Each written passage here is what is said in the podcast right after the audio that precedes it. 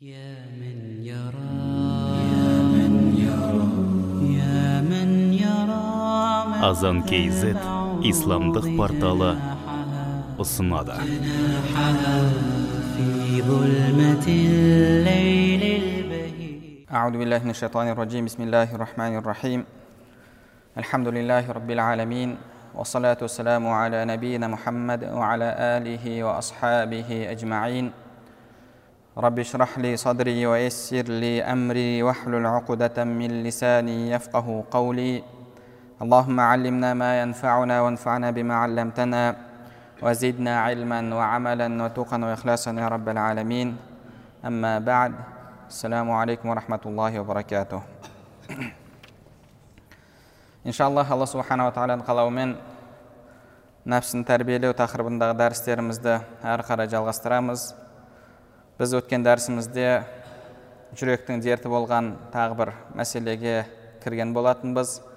Ол да болса адамның дүниеге махаббат қоюы және жалпы дүниеге махаббат қоюдың қателігі жайында оған қатысты ғұламалардың сөздерін оқыған болатынбыз. Дүние бұл жалпы өзінің ішінде көп нәрселерді қамтитын болса соның ішінде әсіресе адамдардың көп артық махаббат қоятын нәрсесі бұл ақша мал мүлік. Бұл да адамның жүрегін бұзатын адамның жүрегін қарайтатын дүниелерден болып табылады. Адам дүние мал мүліктің негізгі мақсатын ұмытып қойса және дүние мал мүлікті өзі үшін жақсы көріп дүниені дүниелік үшін жақсы көріп оны ақиретке жеткізетін құрал ретінде ақиретке жетуіне себепші ретінде қарастырмаса бұл адам қателеседі бұл адам адасады және адам дүниеге қатысты егер дүниенің негізгі мақсатын ұмытып қоятын болса бұл адам жүрегінде дүние қорлық дүниеге қызығу дүниеге деген махаббат пайда болады. Ол пайда болған кезде бұның арты да соңында түрлі алла субханала тағала харам еткен жолдарға алып барады. Түрлі жолдарға алып барады. Немесе адам сабыр етіп алла субханала тағала бұйырған алла субханала тағала рұқсат еткен шеңберде ғана рызық талап етеді. Немесе әлгіндей харам істерге барады. Яғни жалпы адам дүниеге қатысты оның дүниесі бар немесе дүниесі жоқ адам. Дүниесі жоқ адам қанағат тұтып өзінің жағдайына шүкіршілік етеді немесе жағдайына шүкіршілік етпестен әйтеуір дүние жинауға қызығады. Енді дүниесі бар адам алла субханала тағала бұйырған орындарға тиісті орнына дүниені сарып етеді немесе харам жолға жұмсайды. Алла субханала тағала дүниенің мал мүліктің зияны үлкен болғандықтан да адамдар көп жағдайда дүние мал мүлік біткен кезде ақша біткен кезде шектен шығып шариғаттың шеңберінде қала алмайтын болғандықтан да көптеген аят хадистерде бұны ескертіп кетті. Алла субханала тағала құран кәрімде айтады يا أيها الذين آمنوا لا تلهكم أموالكم ولا أولادكم عن ذكر الله ومن يفعل ذلك فأولئك هم الخاسرون ей иман келтіргендер сендерді дүние мал мүліктерің бала шағаларың алланы зікір етуден тоспасын кімде кім солай жасайтын болса зиян шегушілерден болады дейді яғни адамның дүние мал мүлкі оның ақиретке жетуіне және ақиретке, жақ, ақиретке жақсы жағдайда жетуіне себепші болуы керек. Ал егер дүние мал мүлік бала шаға құлшылықтан ақиретке әрекет етуден тосатын болса онда бұл адам зиян шегушілердің қатарында болады. Алла субханала тағала құран кәрімде тағы да айтады иннама амуалукум уа аулядукум фитна уа анналлаха индаху ажрун азим шын мәнінде сендердің мал мүліктерің бала шағаларың сендер үшін бір сынақ дейді сынақ және ол сендер үшін фитна уа анналлаха индаху ажрун азим ал алланың алдында үлкен сауап әжір бар дейді яғни адам дүние мал мүлкін алла субханала тағаланың алдындағы сый жоғары қоймауы керек және дүние мал мүлкі оны сол алланың алдындағы сыйға жетуден тоспауы керек. Алла субханала тағала құран кәрімде тағы да айтады адам өзінің байығанын көрсе шектен шығады дейді. Яғни дүние мал мүлік ақша деген бұл сондай үлкен бір күш адамға бітетін болса адамдардың сол дүние бітпей тұрғандағы халінде қалуы өте қиын. Адамдарда тәкаппарлық пайда болады адамдарда менсінбеу пайда болады. Бір уақыттар келеді ол барлық нәрсені сатып ала аламын деп ойлайды. Қарайды әйтеуір дүние мал, мал мүлкі бар болған үшін ана жерге барса да алдынан адамдар жүгіріп шығады мына жерге барса да жүгіріп шығады барлығы алдында жүгіріп жүріп қызметін жасайды. Сол кезде адамда сондай ой пайда болады. мен кез келген нәрсені сатып ала аламын деп ойлайды пайғамбарымыз саллаллаху алейхи уасалам имам термизи насаилер келтірген хадисте айтады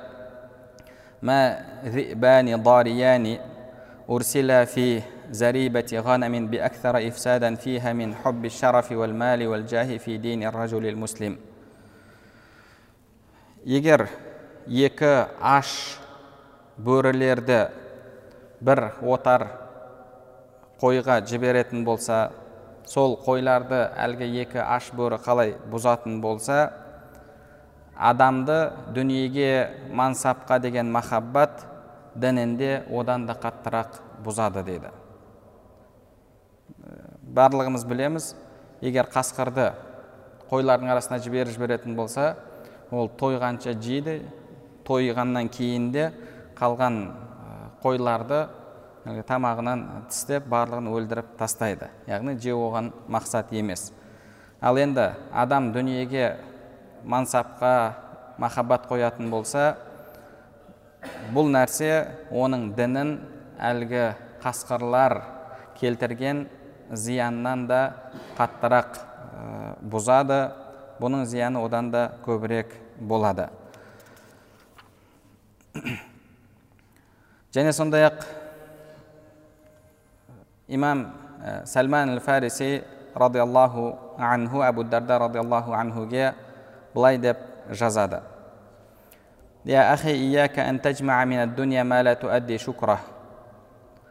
бауырым өзің шүкіршілігін жасай алмайтын дүниені жинаушы болма дейді яғни егер адам дүние біткеннен кейін зекетін бере алмайтын болса тиісті орнына жұмсай алмайтын болса керісінше дүниесі оның даңдайсуына шектен шығуына себеп болатын болса әлбетте ол адамның дүниесіз болғаны хайырлы болады. Сәлман радиаллаху анху айтады өзің шүкіршілігін жасай алмайтын дүние жинаудан сақ бол дейді. Мен пайғамбарымыз саллаллаху алейхи уассаламның былай дегенін естідім дейді. يجاء بصاحب المال الذي أطاع الله فيه وماله بين يديه كلما تكفأ, تكفأ به الصراط قال له ماله امضي فقد أديت حق الله في қиямет күні дүние қолында болған және сол дүниенің ақысын өтеген алла жолындағы алла міндет еткен ақысын өтеген адам келтіріледі және сыраттан өтіп бара жатқан кезде ол адам яғни жүрісінде бір қиындық болып қалса немесе сәл баяулап қалса оған дүниесі айтады деді. Имды ары қарай баса бер яғни жүре бер. Сен алланың жолындағы менің ақымды өтедің деп айтады. Дүние мал мүлкі болған бірақ тиісті орындарына жұмсамаған яғни дүниесінде аллаға бойсұнбаған адам келтіріледі. Оның дүниесі арқасында болады.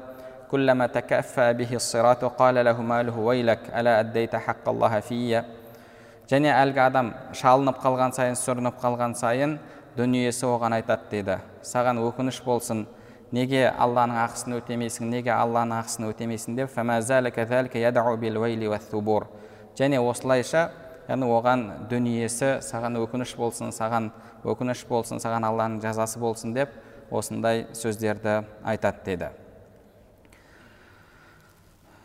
бір кісі әбу дарда радиаллаху анхуге зиян жеткізіп ауыр сөздер айтады сонда әбу дарда радиаллаху анху айтады اللهم من فعل بي سوءا فأصح جسمه وأطل عمره وأكثر ماله кімде кім маған жамандық жасаған болса оның денін сау ет өмірін ұзақ ет және дүниесін көп ет дейді.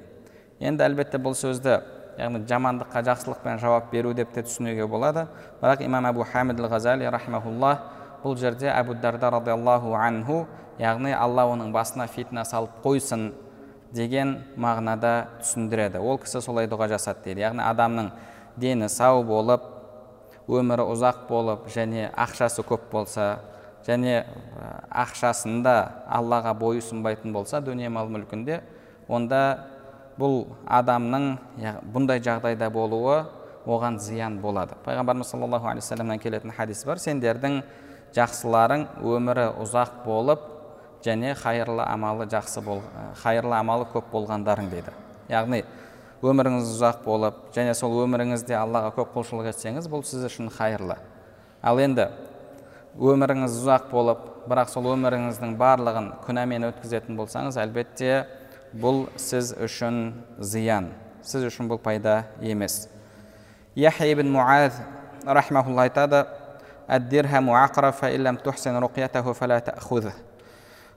дирхам яғни ақша бұл улы шаян секілді. Егер оны әлгі уын саған жеткізбейтіндей сені шақпайтындай етіп және бір ем үшін уын ала алмасаң онда оны алма деді себебі ол сені шағып алатын болса онда ол сені өлдіреді деді яғни мысалы жыланның уында әлгі шаянның басқаның уында алып дәріге де басқаға да пайдалануға болады. Егер оны білетін адам болса оны білмейтін адам болса шағып алатын болса өліп өзі кетеді. Енді олай жасау қалай болады деген кезде ол кісі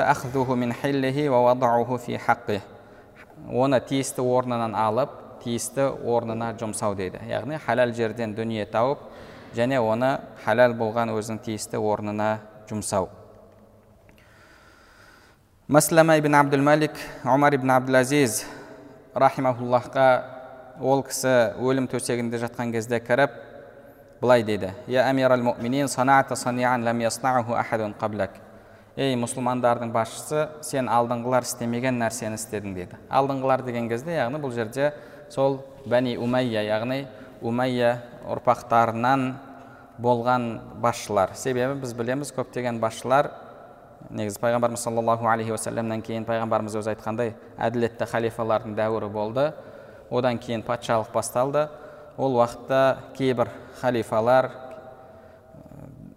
мұсылмандардың қазынасын бәйтул мәлді өзінің жеке дүниесі секілді пайдаланған уақыттар болды. Бір адам келіп мақтаса оған сыйлық беріп жібереді. Анаған ананша беріңдер мынаған мынанша беріңдер деп. Негізі оны олардың олай жасауға негізінде ақысы жоқ. Себебі әрбір тиынның алланың алдында есебі бар. Және артында бала шағаларына көп мал мүлік қалдырып кететін. Омар ибн абдулазиз рахмаулла олай жасаған жоқ. Әлгі туысқандарынан бірі келіп айтып жатыр сен алдыңғы аталарың істемеген нәрсені істедің ғой деп. Омар ибн абдулазиз рахмаулла ол кісі сондай әділетті халифалардан болғандықтан да кейбір ғұламалар ол кісіні хамисул рашидин әділетті халифалардың бесіншісі деп те атаған ол кісі айтады сен бала шағаларыңды дүние мал мүліксіз бір тиынсыз қалдырып бара жатсың дейді ол кісіде 13 бала шаға болған сонда омар ибн абдулазиз мені отырғызыңдар деді отырғаннан кейін ол кісі айтады أما قولك لم أدم لم أدع لهم دينارا ولا درهما فإني لم أمنعهم حقا لهم ولم أعطيهم حقا لغيرهم енді сен оларды дүние мал мүліксіз қалдырып жатқан сөзіңе келетін болсақ мен олардың олардың ақысын жеген жоқпын оларға тиісті болған нәрсені олардан алып қойған жоқпын және оларға тиісті болмаған нәрсені оларға берген жоқпын деді. Яғни мен олардың дүние мал мүлкін тартып алып оларға тиісті болған нәрсені алып қойып оларға зұлымдық жасаған жоқпын.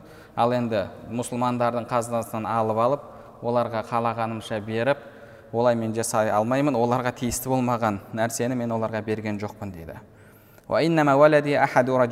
ал менің балаларым екі түрлі адамның бірі дейді. Яғни екі түрлі адам. Біріншісі аллаға бойұсынған аллаға құлшылығын жасаған адам ол адамға алланың өзі рызық беруде жеткілікті. Алла субханала тағала ізгі құлдарын тастап қоймайды дейді.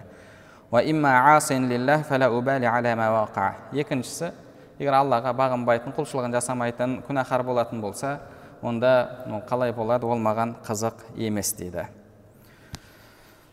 Мұхаммад ибн кәб әл құразы бұл да табиғин ғалымдардан сол кісінің дүниесі болған көп дүниесі оны алла жолында сондай бір жомарттықпен жұмсайтын болған.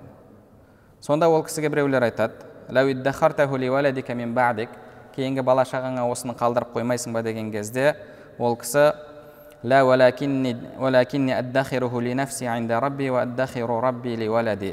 мен бұны өзім үшін ақиретке қалдырамын деді яғни бұл дүниеде жұмсағаныңыз сізге ертең ақиретте сауап болып келеді. Мен бұны ақиретіме сақтап қоямын ал балдарыма раббымды немесе бұны мен ақиретіме қалдырамын ал балдарыма раббымды қалдырамын деген. Яғни алла субханала тағала өзі оларға рызқын жеткізеді дейді яхя ибн муаз рахмаулла айтады ең ауыр сөз дейді ең ауыр сөз дүниеге қатысты адамдарға айтылатын бұл дүние мал мүлікке қатысты ол мына сөздер дейді. Минка куллу анху адам қайтыс болып бара жатқан кезде оған айтылатын сөз дейді. Дүние мал мүліктің барлығы сенен алынады және сол дүние мал мүліктің барлығы үшін сен сұраласың деді яғни адам қанша дүние мал мүлік жинайды? Мысалы өмірінде ол миллиард екі миллиард доллар одан да көп жинауы мүмкін. Әсіресе әлгі байлар болатын болса белгілі бір тізімге кіріп сонымен жарысып журналдарда шығып жатады олардың дүние мал мүлкі. Ол соның ішінде қаншасын өзінің күнделікті қажетіне жұмсайды.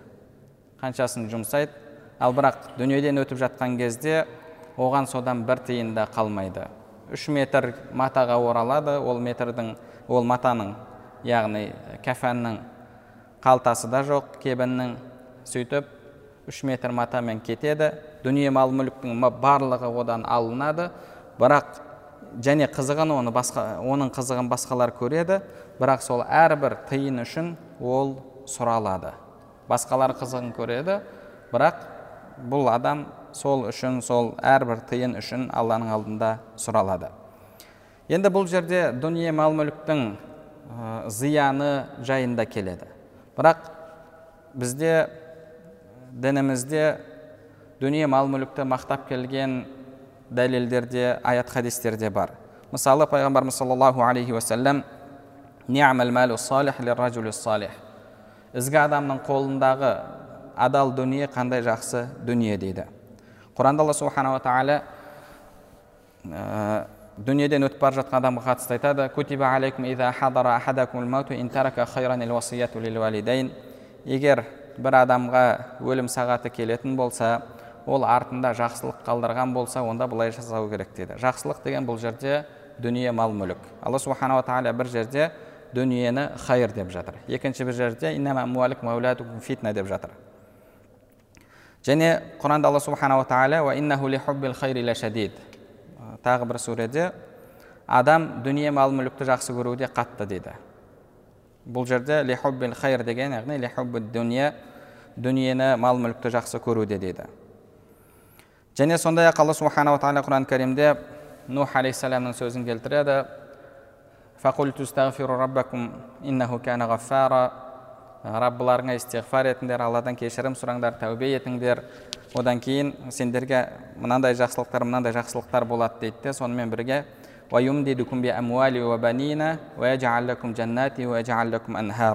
аллаға алла тағала сендерге мал мүлік бала шаға береді сендерге бақшалар және өзендер береді дейді яғни сен бұл дүниеде ізгі адам болсаң алла субханала тағала саған мынандай жақсылықтар береді дейді. Сол жақсылықтардың ішінде саған дүние мал мүлік береді бала шаға береді бақшалар және сол бақшаларда ағатын өзендер береді дейді.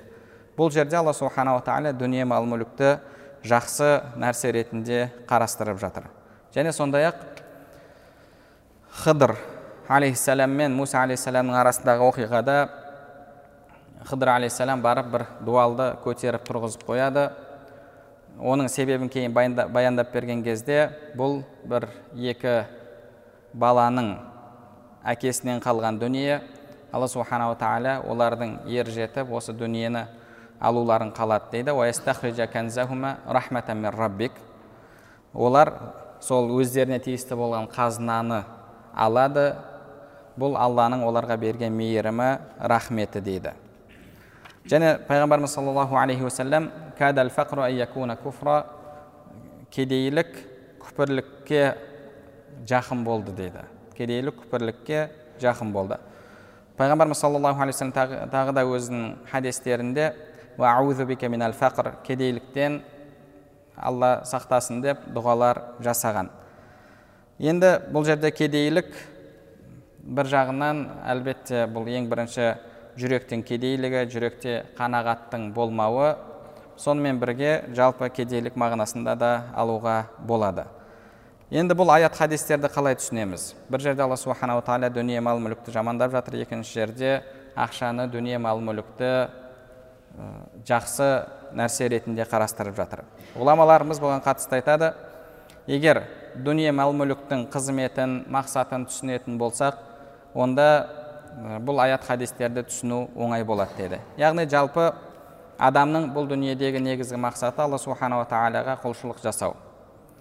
Адам екі нәрседен тұрады. Құранда алла субханала тағала айтқандай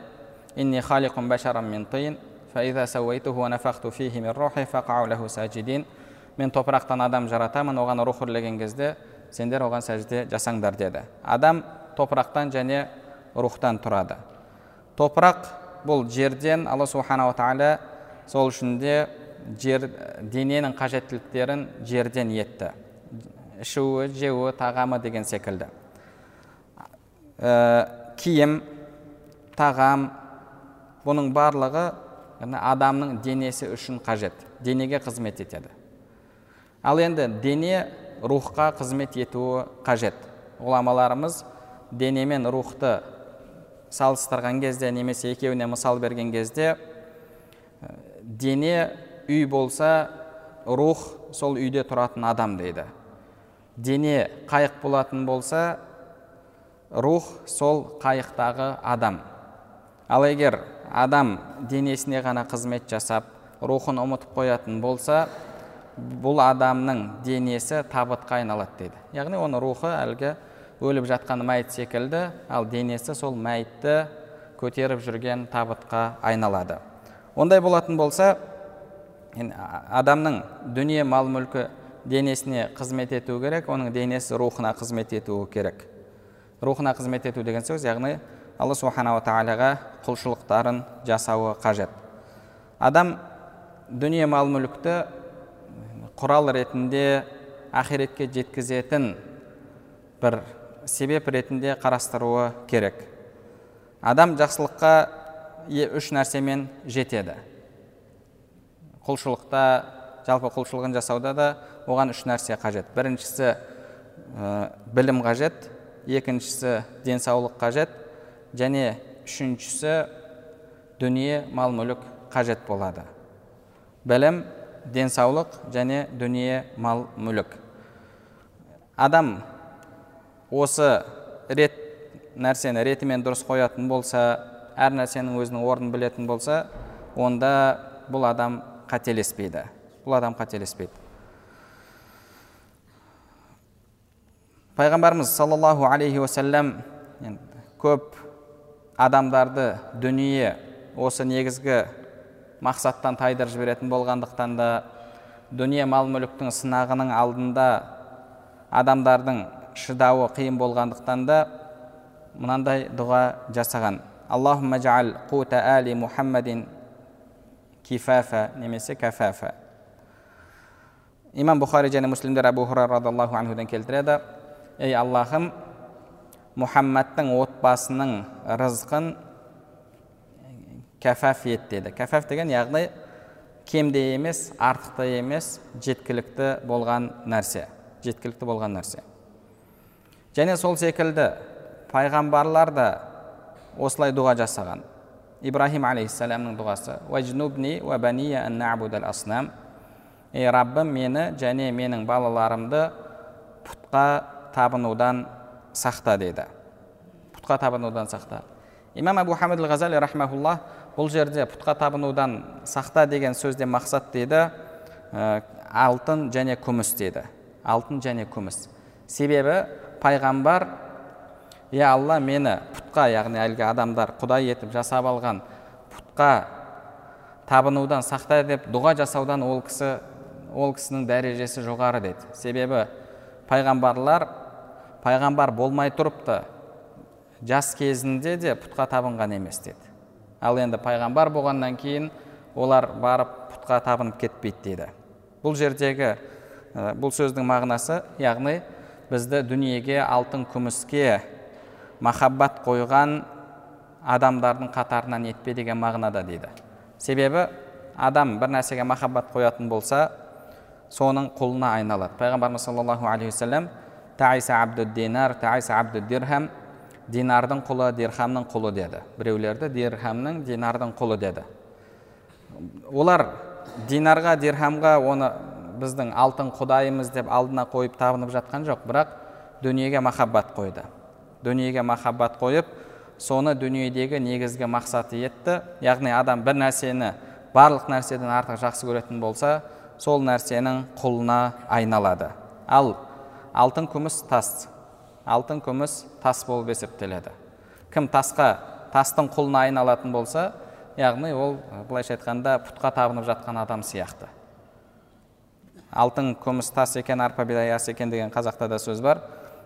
Алтын күміс деген тас ал енді біреу тастың құлына айналатын болса пайғамбарымыз саллаллаху айтқандай динардың дирхамның құлына айналу яғни бұл былайша айтқанда пұттың құлына айналу деген сөз. Пұтқа табыну табынуға ұқсайтын нәрсе. Сол үшін де ибраһим алейхисалам бізді сол дүниеге махаббат қойып дүниенің негізгі мақсатын ұмытып кететіндерден етпе деп дұға жасап жатыр. Ә, енді жалпы дүниеден немесе дүниенің қолда болудан келетін пайдалар бар және дүниеден келетін зияндар бар. Дүниеден келетін пайдалар діндегі пайдалар және дүниелік пайдалар болып бөлінеді. Келетін зияндар да тура сондай. Енді біріншісі адамның қолында дүние мал мүлік болатын болса оны дұрыс пайдаланса тиісті орнына жұмсайтын болса оған мынандай пайдалар келеді. Ең біріншісі құлшылыққа жұмсау. Дүние мал мүлікті құлшылыққа жұмсау. Яғни садақа беру зекет беру бұның өзі өз алдына құлшылық. Немесе құлшылық жасауға жәрдемші құрал. Адамның қажылық жасауы умра жасауы біреулерге көмектесуі бұның барлығы дүние арқылы болатын нәрсе. Алла жолында жұмсау бұның барлығы адамның жақсылық істеуіне көмектеседі.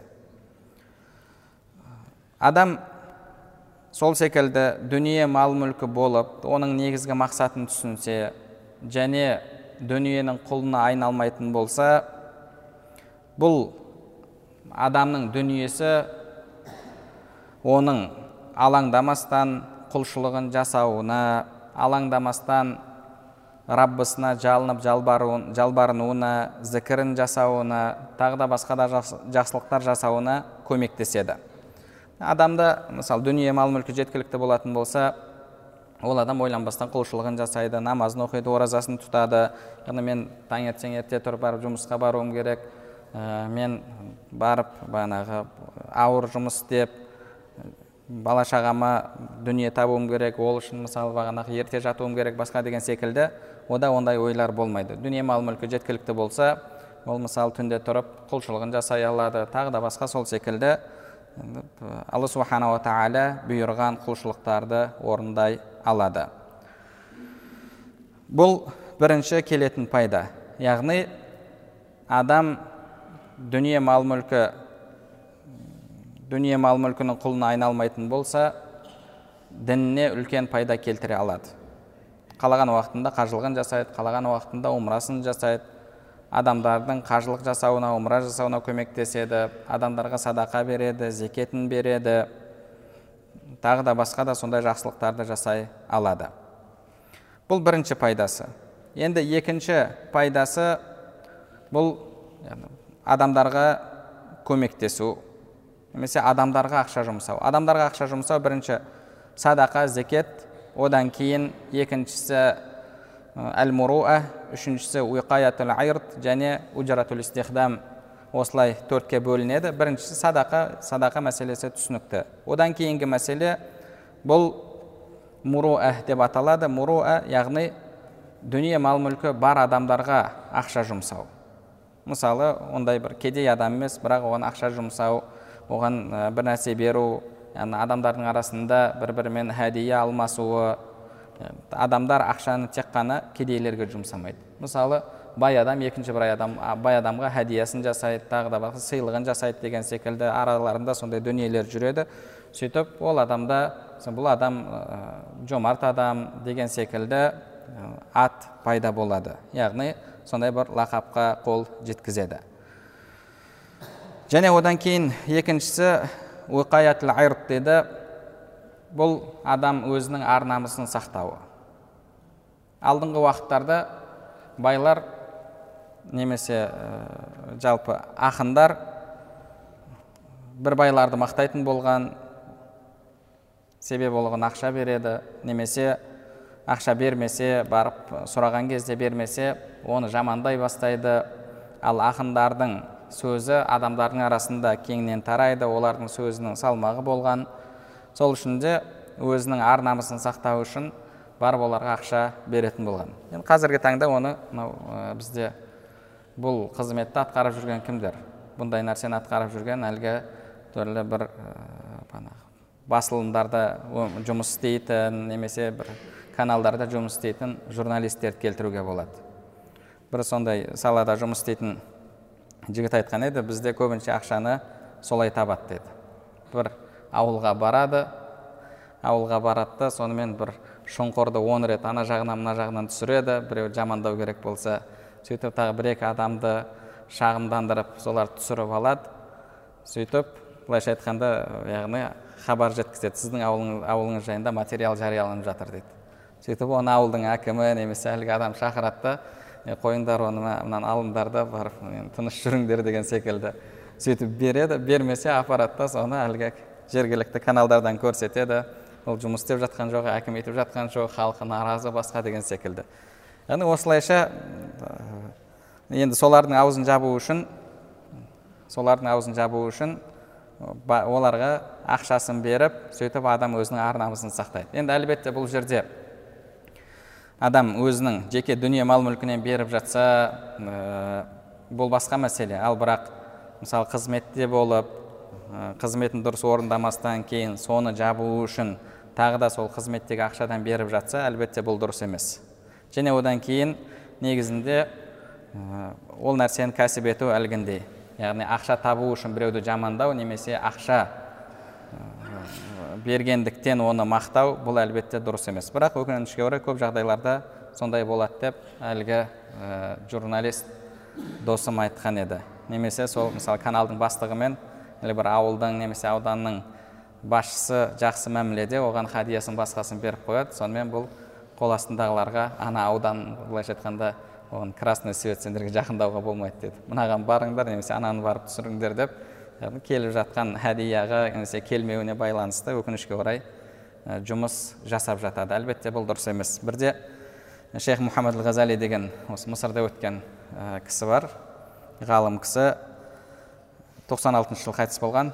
Сол кісі бірде бір осындай конференцияда отырған кезде өзі бір қисық сұрақтар қоятын журналистер болады.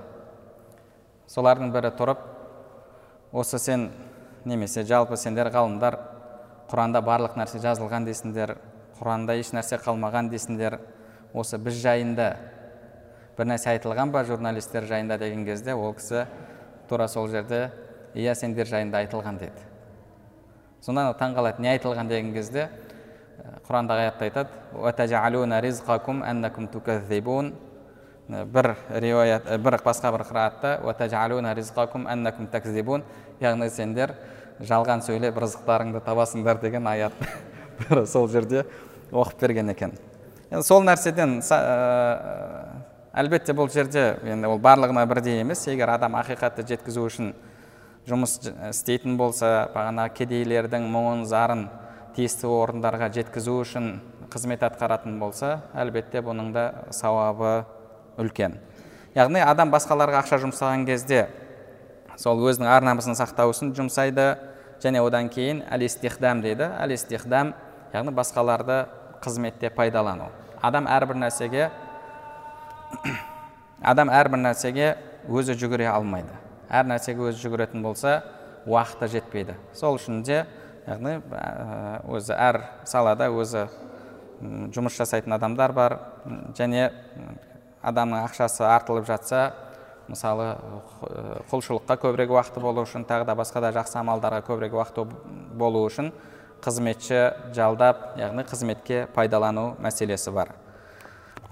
Тағы да басқа да яғни дүние мал мүліктің қызметі және сондай ақ енді одан келетін қандай зияндар бар алла нәсіп етсе оны келесі дәрісімізде үйренеміз. Алла субханала тағала бәрімізге пайдалы білім нәсіп етсін білімдерімізге амал етуімізді және амалдарымыздың қабыл болуын нәсіп етсін субханак астағфирук ва атубу илейк